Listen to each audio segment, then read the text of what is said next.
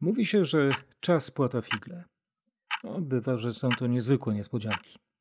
Kiedy przygotowywałem się do rozmowy z wybitną poetką Ewą Lipską, odkryłem, że niedługo obchodzi swoje urodziny. Niezmiernie się ucieszyłem, że będę mógł osobiście złożyć życzenia jednej z moich ulubionych pisarek. Ale to mało. To znaczy, niewielka to sprawa dla świata, ale bardzo istotne dla mnie odkrycie. Otóż pani Ewa Lipska urodziła się 8 października, tego samego dnia co ja. Na dodatek nasze roczne daty kończą się piątką. Czas zacząć. Oto nasza rozmowa w mieszkaniu pani Ewy Lipskiej.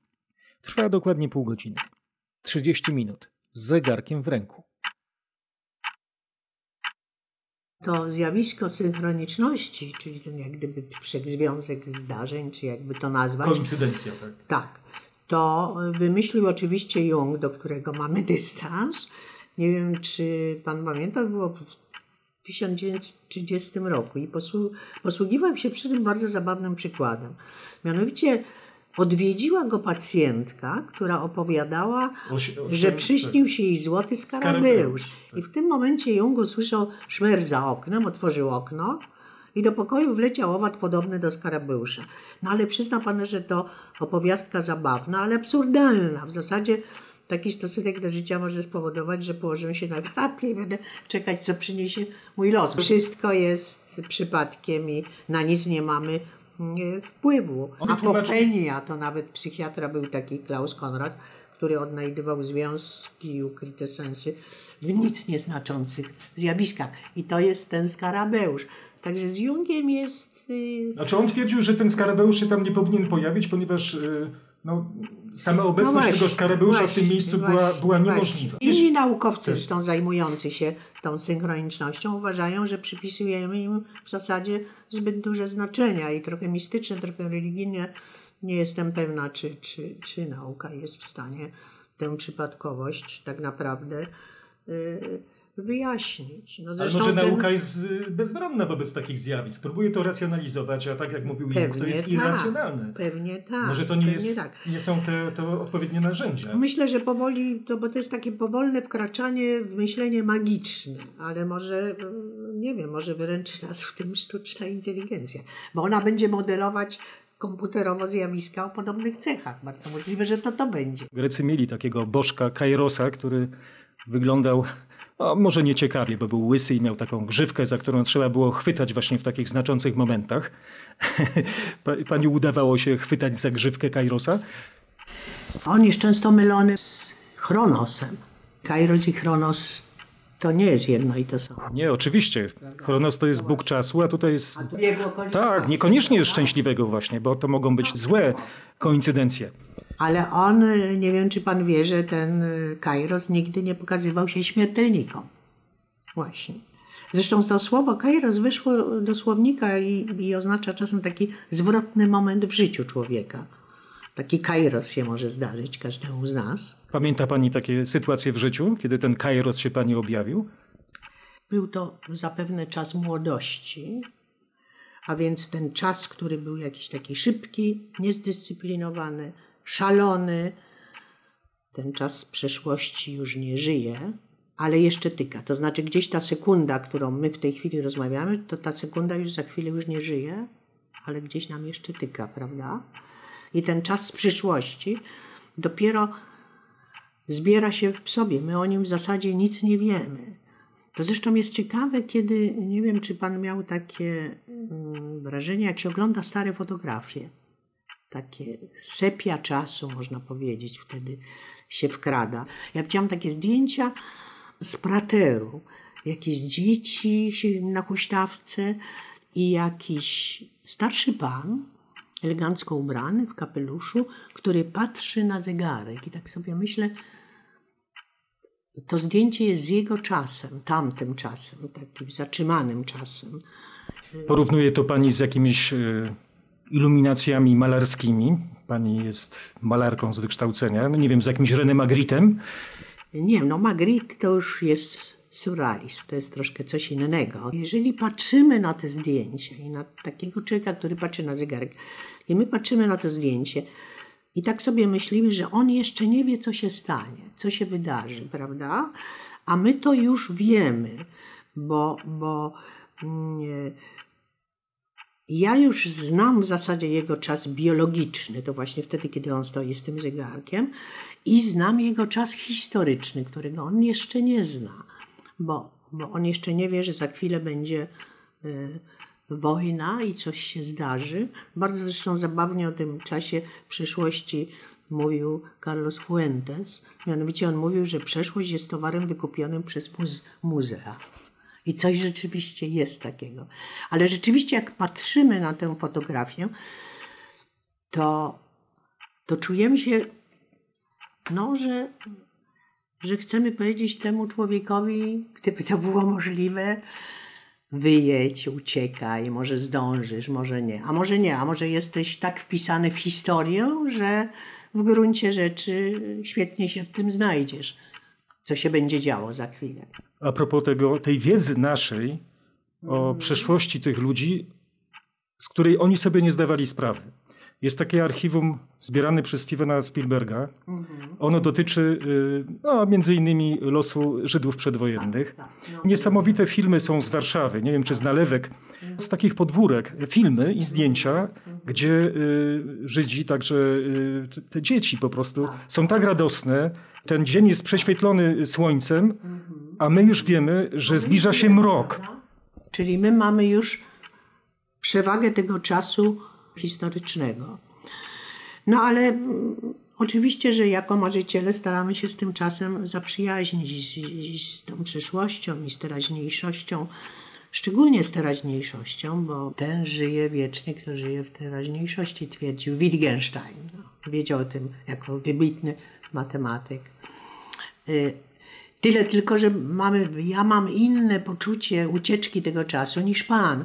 Bo ja mam poczucie, że ta sekunda, dwie, trzy, piętnaście, które mijają nam w tej chwili, w tym momencie, kiedy Państwo nas słuchacie, a my rozmawiamy i Państwu też coś ucieka, mija, to, mm, to Panu jest łatwiej, bo Pan ma jeszcze poczucie, że Pan ma przed sobą jakieś ogromne, długie y, miliony kilometrów czasu, natomiast ja już jestem w pewnym, zaczynam być w stresie. Znaczy mówię stres w cudzysłowie oczywiście, ale jest coś takiego, że mnie ten czas ucieka zupełnie inaczej niż Panu. Zresztą kiedy to, to się zdarza, kiedy czytamy powieści.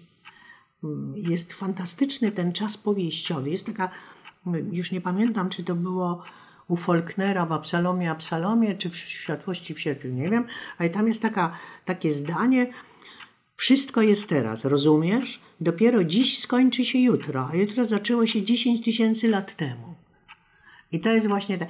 I ten czas y, powieściowy, on nam też pokazuje tę względność, to o czym mówimy o tych fotografiach. Zresztą jest też u Borgesa, w, w Alefie na przykład, jak się czyta. Pamięta pan? Tak, oczywiście. A propos Alefa, no to też mamy ten y, wątek kabalistyczny, bo, bo ten Alef jest takim punktem, y, który głównemu bohaterowi objawia się jako taka iluminacja, gdzie te wszystkie strefy czasu się tak, tak. ogniskują w jednym punkcie. Nie, to fascynujące.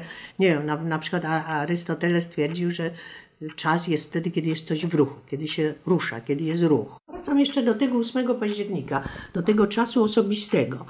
Niby to taka sama data, ale to są jednak te urodziny różne nasze czasy, bo to jest jednak pan się urodził w innym roku, ja się urodziłam w innym roku. I teraz jest pytanie, co robiliśmy wtedy.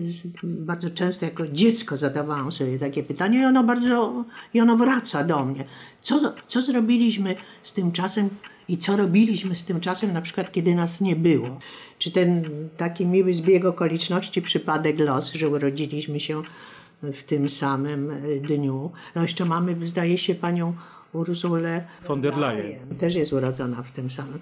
Też mi się wydaje, że ona jest trochę inna niż ja i zapewne inna niż pan. Gdzieś te daty, one się tak gdzieś, przek- to jest taki jakiś przekładaniec i miły zbieg okoliczności, bo jest mi bardzo sympatyczny i zaraz będziemy sobie składać życzenia. urodzinowe. Pani tutaj wymieniła Urzulę von der Leyen, prawda? No. Natomiast ja sobie sprawdziłem rzeczywiście te osoby, które urodziły się 8 października. No i natrafiłem na takie dziwne prawo. To znaczy, No. e, jeżeli sięgniemy wstecz, powiedzmy tam do XIX wieku, do początku XX wieku, to są to ludzie, którzy są pisarzami, poetami, e, naukowcami. No, zjawia się czasami. Ale jest Marina Cwietajewa na przykład, pewnie pani bliska poetka. Tragiczne życie, te czasy, ten czas takich właśnie ludzi, którzy się urodzili w, takich momentach historycznych, niefortunnych dla, dla siebie, prawda? A kiedy sięgniemy do czasów współczesnych, No. to to są sportowcy. Bokser, Nie być bokserem znaczy nie być wcale, jak pisała Szymborska. No ja niestety nie jestem bokserem, no szkoda. nie wiem, może to wynika z tego, że zmienia nam się świat. E, Kiedyś tymi bohaterami e, zbiorowej wyobraźni byli naukowcy, byli literaci, byli, e, byli politycy, a teraz mamy samych sportowców.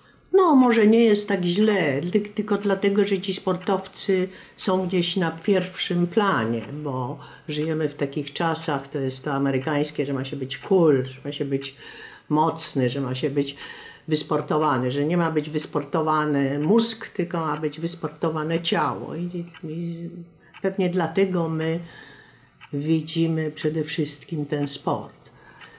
A tych intelektualistów to nie jest zresztą dobry czas dla intelektualistów. A pani w ogóle kiedyś prowadziła takie sportowe życie? Czy, czy sport dla pani jest w ogóle ważny? Kiedyś jeździłam na nartach oczywiście, i, ale nigdy nie prowadziłam sportowego życia, było to niemożliwe, miałam kłopoty ze zdrowiem, ale bardzo cenię sportowców, a jeszcze cenię sobie takich sportowców, którzy są równocześnie humanistami i można jeszcze rozmawiać mm, o wielu innych sprawach.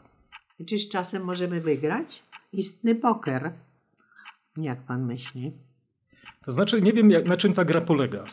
Gra z czasem. W co my gramy? To jest jakaś talia? Co to za gra? No, ciekaw jestem, czy możemy czas oszukać w tej grze. Gdybyśmy byli szulerami, czy byśmy mogli go oszukać? Czas by się dał oszukać, on by się nie dał. Nawiązując do filmu Wielki Szu, Wielki szuk, tak. Jan Nowicki, wspaniała rola krakowskiego aktora, Tak. no to ten czas jest chyba tym wielkim szu, prawda? Właśnie tak wydaje mi się, że on by się nie dał oszukać. Nie wiem, czy pan zna moje panie Schubert, Tak. ale w paniach Schubert ja się wyłącznie zajmuję. Wyłącznie się zajmuję czasem, nawet przy, nie wiem, czy Ja kilka mam ten takich tomik w wersji przygotowałam. elektronicznej. pomiędzy. Droga pani Schubert, zastanawiam się, gdzie zamieszkamy potem. Potem, czyli tam, gdzie przedtem stała fabryka, która produkowała życie pozagrobowe. Będzie to pomiędzy tym, czego nie zrobiliśmy i czego już nie zrobimy. Albo taka opowiastka. Droga pani Schubert, Polecam Pani komedię science fiction pod tytułem Depresja. Rzecz dzieje się nad Morzem Martwym, zwanym asfaltowym. Nazwa pochodzi od krystalicznej powłoki, która tworzy się na przesyconej solą powierzchni wody. W tym jubilerskim krajobrazie ląduje pojazd kosmiczny, z którego wysiada zdumiony i zdezorientowany bohater filmu. Fabuła prowadzi nas do ordynacji doktora Cajta, który aplikuje swoim pacjentom musujące tabletki czas forte. Nasz bohater wypija je w dużych ilościach, wierząc, że będzie żył wiecznie bez utraty pamięci. Zapatrzony w przyszłość, nie dostrzega, że odrywa się od galaktyki. Zapewnie nie przeczytał dokładnie ulotki na temat działań niepożądanych czasu forte i jego wpływu na prowadzenie pojazdów i obsługę maszyn. Nie będę pani opisywał anegdotycznych sytuacji z filmu, ale muszę opowiedzieć o ostatniej scenie, która zaważyła na moim życiu. Otóż kompletnie pijany trzeci jeździec z apokalipsy spada z konia, gubiąc trąbę, trzecią część rzek i źródła wód. Ta scena wróciła ze mną do domu, droga pani Schubert. Trzeci jeździec apokalipsy śpi teraz w moim pokoju. Patrzę na jego dziecinną i spokojną twarz i aż trudno uwierzyć, że to on właśnie zamieszany jest w historię gwiazdy Piołun. Właśnie pani się, pani się uśmiecha. Opisuje pani oczywiście bardzo realistycznie, mimo metaforyki tego, tego wiersza, opisuje pani realistycznie Morze Martwe, nasycone solą. Puenta jest taka, powiedzmy, zabawna. Czy, czy można potraktować tę apokalipsę cum grano salis, z takim właśnie ziarenkiem y, ironii, soli ironii? No naturalnie, ja jestem stary ironista przecież, także ja nie mogę inaczej. No jak można pisać o czasie ogóle inaczej? Ale takie jeszcze króciutkie. Droga pani Schubert, noszę już na sobie jutro. Płaszcz przyszłości, który mi pani uszyła w naszej wczesnej młodości. Czy pamięta pani jeszcze puls guzików, na który zapinaliśmy się? Także to wszystko. Trudno mi się teraz oderwać od tych zabaw z czasem. Rzeczywiście nie daje mi to spokoju. No tutaj jest gra słowna jutro futro, prawda? W dzisiejszych czasach futro to chyba jest zakazany, prawda, wyraz. Futro skreślamy oczywiście, no. Kochamy zwierzęta, nie nosimy futer. Właśnie a propos y, no, tego dzisiejszego czasu, no mamy taką rewolucję, można tak powiedzieć. Tutaj mamy maseczki. Pandemiczne. Pandemiczne, czas. właśnie. Czas pandemiczny. Słowo na P, prawda? Ja nawet ostatnio y, czytałem y, taką teorię, że w ogóle należałoby oprócz mycia dłoni, dbania o higienę, noszenia maseczek, w ogóle zacząć milczeć jak najwięcej. Naukowcy twierdzą, że w ogóle powinno się unikać wszystkich słów, które zaczynają się na literę P. Więc poezja naprawdę powinna być zakazana jak u Platona, prawda? Była taka grupa Ulipo, między innymi Georges Perec, którzy unikali pewnych głosek, prawda? No, tworzyli powieści bez litery E na przykład. Tak się zastanawiam, czy pani byłaby w stanie napisać jakąś poezję bez litery P? A co by pan zrobił z Polską? Byłaby Olska. No byłaby Olska, może byłaby inna dzięki temu. Nie, nie, ja nie, ja takie igraszki z literami odrzucam, absolutnie. Mm, Ale rozumiem, no bo to jest taki ruch wyobraźni. Wszystkie takie awangardowe pomysły y, na tym polegają. Myśli pani o awangardowych pomysłach naukowców? Też się zdarza. bo Czasami z tych y, mm, takich niby groteskowych zajęć, rozmów, no mm, choćby słynne jabłko Newtona, y, bardzo często odkrycia to są zupełne przypadki. To jest mm, jakiś nie to, nad czym pracujemy godzinami, miesiącami, latami, tylko nagle jeden przypadek, który, który nam pokazuje coś, co potem jest genialnym odkryciem. W przypadku Newtona to w ogóle był więcej niż przypadek, ponieważ on się głównie zajmował alchemią, prawda? I szukał jakichś formuł magicznych, a tu nagle no, wszedł jakby w inny wymiar naukowości. Część jego biblioteki to była właśnie alchemia. To zresztą wszyscy, bo i Kepler y, też się tym zajmował. No, to był w ogóle ciekawy czas. Mówi się, że czas to pieniądz. W alchemii to głównie na tym to polegało, bo tak się mówi, że to jest taka metafizyka. Po prostu oni się tak zadłużali, ci monarchowie, że potrzebowali złota. Alchemicy po prostu na, za wszelką cenę chcieli to złoto wyprodukować. Więc to nie była tylko gnoza, jak myślał Jung, tylko po prostu no, czysto materialistyczna potrzeba. No tak, ale czasami rzeczywiście może się zdarzyć, że czas może być też kosztowny. Jak się uwikłamy w pewne sprawy, źle ulokujemy pieniądze, no to oczywiście może to być też czas kosztowny. To żadna metafora wtedy, czas to pieniądz. Nie no tak. Teraz y, ci projektanci naszej przyszłości twierdzą, że to, co nas teraz spotyka z koronawirusem, to jest sprawa tak e, bez precedensu, że należałoby dzielić na epokę przed koronawirusem i po koronawirusie. Nawet wymyślili taką formułę before coronavirus i after coronavirus. BC i AC. Więc to trochę się kojarzy z metafizyką, prawda? Bo mi się to kojarzy z before Christ. Trochę przesady w tym jest, dlatego że pandemia się zaczyna w momencie naszego urodzenia.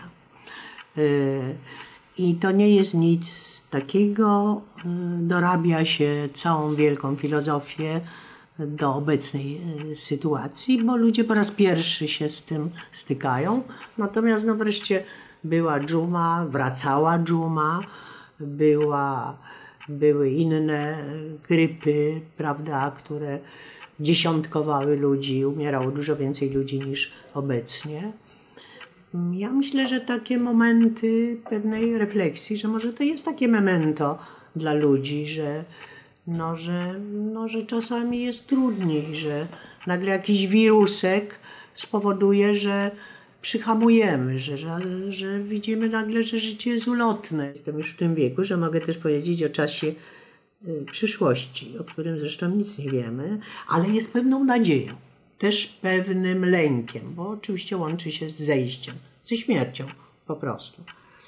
No tutaj liczę tylko na G5, że może nas całkiem inaczej ten czas zagospodaruje i ale też może się wymknąć z naszych mm, rąk. Jak go oddamy maszynie, no to koniec. Zwłaszcza kiedy, kiedy zamienią nas y, w takie zbiorowisko, które nazywają internetem ludzi. Ludzi, właśnie, tak. Ale też myślałam o czasie aktywnym i destruktywnym. Nie wiem, czy pan czytał ostatnią książkę Ciorana, Rozmowy z nim. Tak, tak, tak. To jest fascynująca książka, gdzie on bardzo dużo pisze o nudzie. Mhm i na przykład tam opisuje, że tam trzecia nad ranem mija, jedna sekunda, tak. druga sekunda, trzecia sekunda. Jest fantastyczny opis mm, czasu w momencie nudy, depresji, takiego jak gdyby trochę odrzucenia od świata. Pusty czas. Tak jak są pusty, to co się mówi, pusty bieg Księżyca, prawda? A propos Księżyca, to myślę, że w przypadku Sierana to w grę wchodziła też jego bezsenność, bo on tak, od tak, czasu młodości, prawda, on nie mógł spać w nocy, więc spać. wędrował ulicami tak. Bukaresztu i te tak. pierwsze jego książki były związane były z takim właśnie upływem czasu. Tak, tak, tak, to wspaniałe, tak. Ale jeszcze, jeszcze jest ciekawy z, z nim związany motyw, mianowicie e, on ten czas też potrafił przyspieszyć, bo doktorat jego we Francji polegał na tym, że on po prostu przejeździł tę Francję na rowerze. Na rowerze. On jeździł na rowerze rzeczywiście i bo tam wszyscy, jak z nim rozmawiają, to, to pan się w ogóle nie rusza. Nie, ja jeżdżę właśnie tak. na rowerze. Jego promotor powiedział tak, no bo on nie napisał w końcu tej pracy doktorskiej. Jego promotor powiedział tak, że a, skoro pan tak. zjeździł Francję na rowerze tak. całą, to to jest najlepsze dla pana doktorat. Bardzo ciekawa osobowość, taka niezależna, asertywny, zbuntowany w zasadzie przeciwko życiu, przeciwko wszystkim, co się dookoła niego dzieje, ale równocześnie tym wszystkim zafascynowany. Bardzo ciekawy autor. Ale też mówiliśmy o tym czasie historii.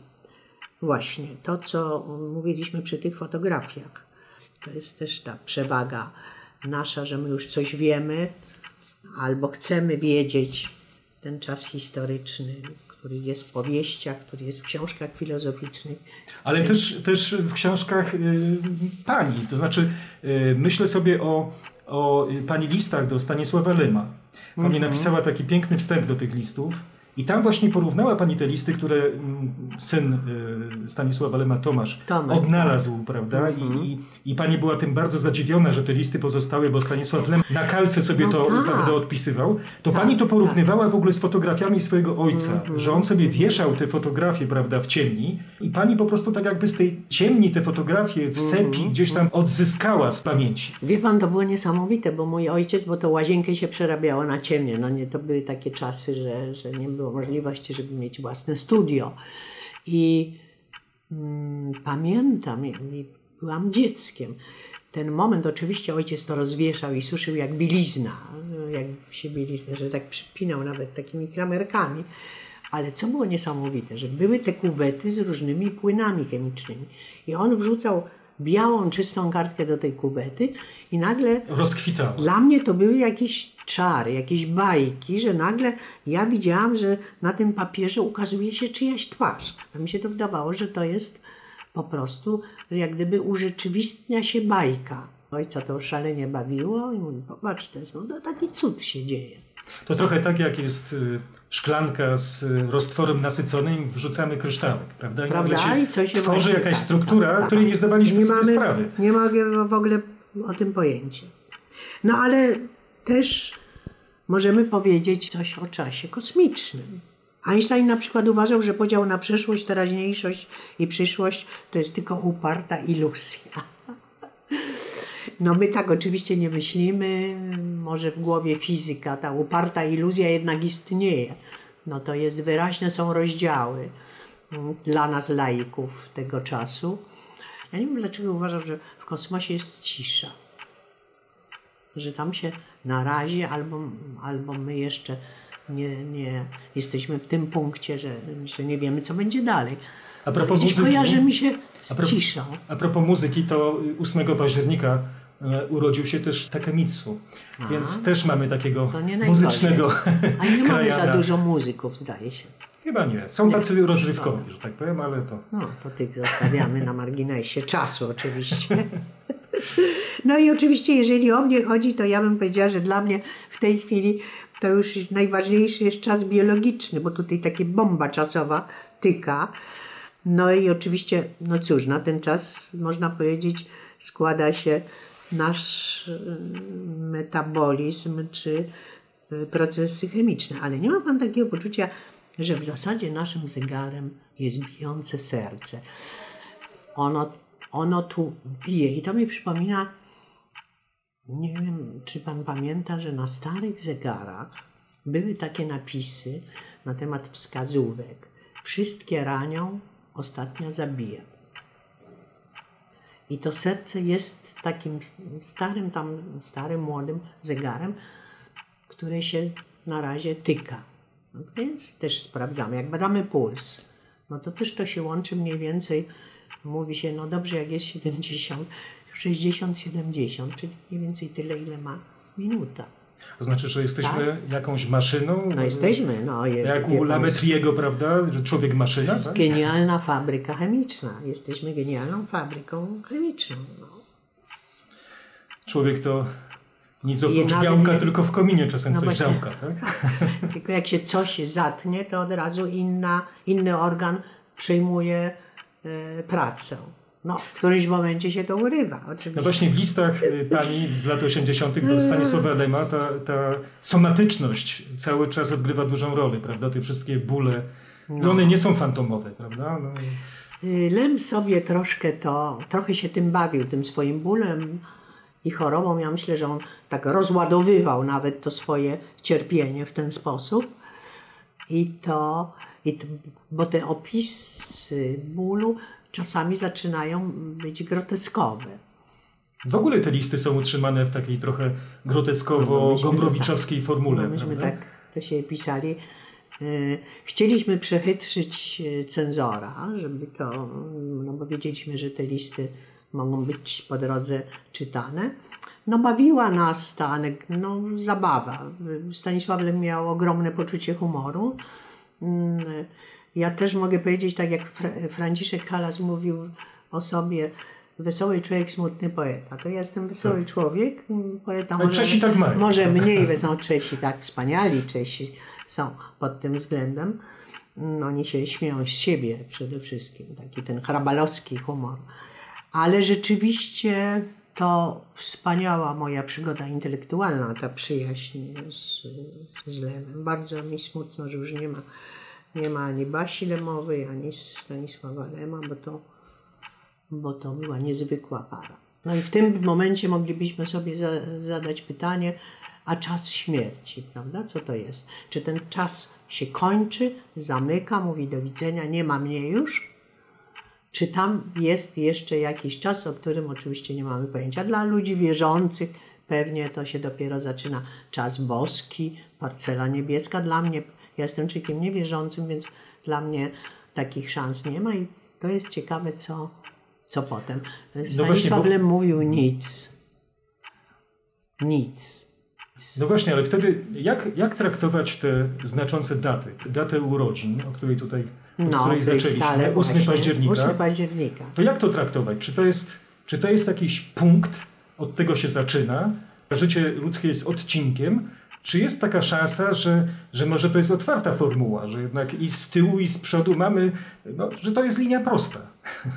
No właśnie, ja myślę, że to jest pewien odcinek, bo nam się wydaje, że jak ktoś żyje 90 lat, to żyje długo, ale z punktu widzenia czasu y, kosmicznego i w ogóle czasu, no to te 90 lat oczywiście jest dłuższe życie niż życie motyla, no niemniej jednak mm, jest to pewien dosyć krótki, jak patrzymy na historię ludzkości, Ziemi, archeologię, to to jest krótki odcinek życia. No jest bardzo relatywny, bo jeśli No. spojrzymy na, na ten nasz czas e, z punktu widzenia jętki jednodniówki, no to to No, jest to po prostu ocean. tak, no, to no jest tak. kosmos. To jest kosmos, faktycznie, tak. Chyba, że ona ma po swoim życiu jakiś inny czas, o którym jeszcze nic nie wiemy. Jakby trafiła do piekła swojego jętko-dniówkowego, no to by spłonęły jej te Piekła już nie będzie, bo zmienia się nasz klimat i w piekle. Piekło zamieni się w niebo zapewne niebawem. By popatrzyłam z ciekawością do słownika, żeby zobaczyć jaki antonim czasu. Co jest antonim? I okazuje się, że to było napisane, no brak czasu oczywiście, ale było napisane wieczność. Jako antonim. Ciekawe. Czas ucieka, wieczność czeka. Jan Paweł II to często powtarzał, bo to było na zegarze słonecznym w Wadowicach, prawda? Tak, tak, rzeczywiście tak. No, m, m, bardzo mnie też bawi sformułowanie Stanisława Jerzego Leca, który twierdzi, że, że czas jest nieustannym ludożercą. No i można przyjąć, że po prostu czas nas pożera. Właśnie w tej chwili też jesteśmy pożerani przez czas.